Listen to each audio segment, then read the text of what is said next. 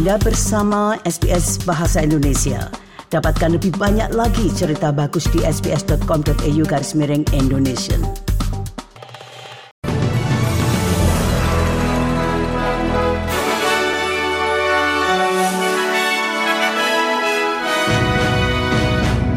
Berita terkini SBS Audio Program Bahasa Indonesia untuk Rabu tanggal 31 Januari 2024.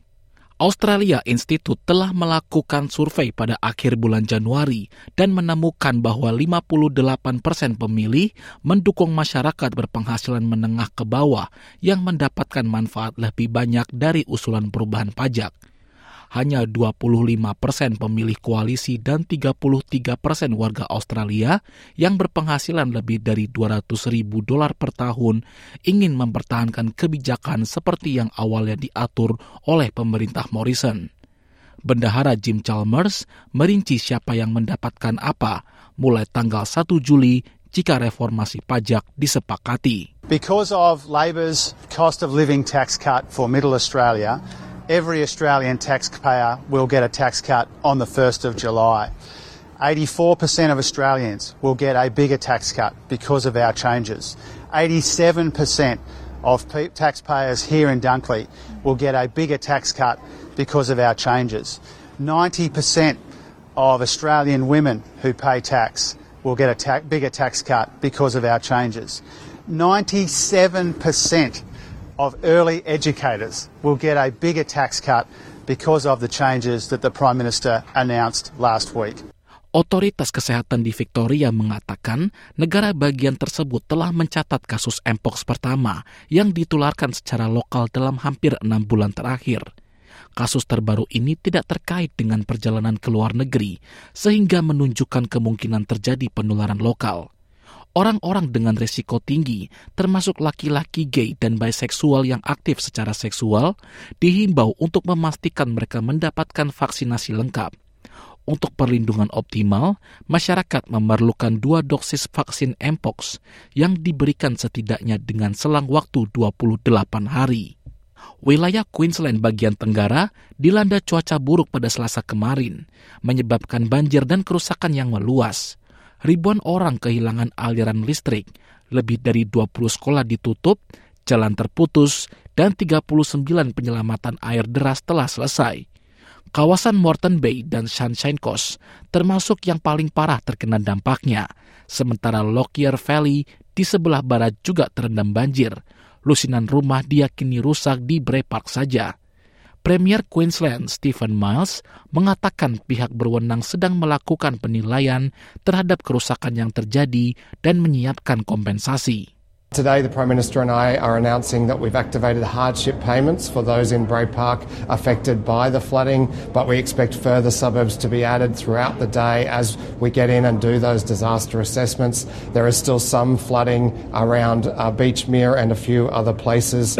Uh, the SES received 300 calls for assistance across, mostly across Moreton Bay and the Sunshine Coast. I can confirm that the Caboolture Hospital and Caboolture Satellite Hospital that were affected by the flooding flooding of the Caboolture River and staffing issues associated with that. They're now back open and operating as normal.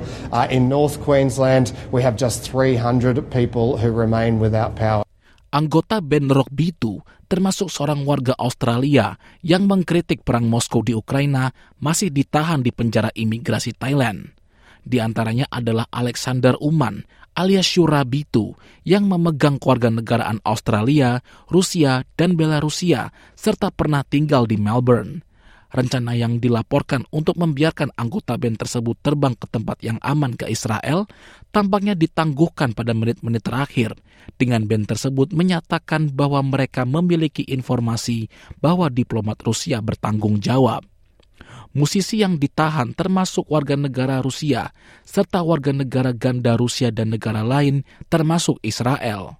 Ketujuh anggota band tersebut ditangkap pekan lalu setelah menggelar konser di Phuket dan dilaporkan karena tidak memiliki surat kerja yang layak. Wakil Direktur Asia Human Rights Watch, Phil Robertson, memberikan pembelaan. Under no circumstances uh, should this ban be sent back to Russia. It's, it's quite clear that the uh, government uh, of Russia uh, has uh, identified them as a uh, provocateur, as a group of people who are uh, anti-Kremlin, and we expect that they would take severe action against them if they can get their hands on them.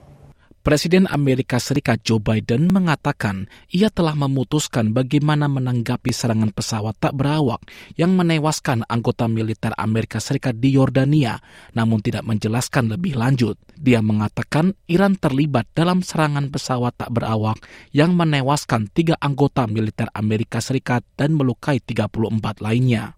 I do hold responsible in the sense that they're supplying the weapons to the people who did it.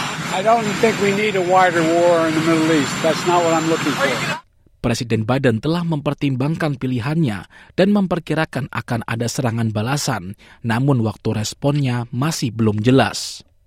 Sementara itu, Sekretaris Pers Pentagon Pat Ryder mengakui masih ada pertanyaan yang harus dijawab terkait serangan pesawat tak berawak yang menewaskan tiga orang Amerika di Yordania. In terms of additional details about the drone attack itself, we know there are still many questions to include how the one-way attack drone could have penetrated the facility's air defenses, its point of origin, and which specific Iranian proxy group is responsible. I can tell you that U.S. Central Command is continuing to look into all those important questions and that we'll keep you updated as new information becomes available as we are able to. What we do know is that Iran backed militias are responsible for these continued attacks on U.S. forces and that we will respond at a time and manner of our choosing. Serangan pesawat tak berawak pada akhir pekan terhadap pangkalan Amerika Serikat di Yordania dekat perbatasan Suriah juga melukai lebih dari 40 orang lainnya. Sekian berita terkini SBS Audio program Bahasa Indonesia yang disampaikan oleh Dilail Abimanyu. Sukai, berbagi, komentar. Ikuti SBS program Bahasa Indonesia di Facebook.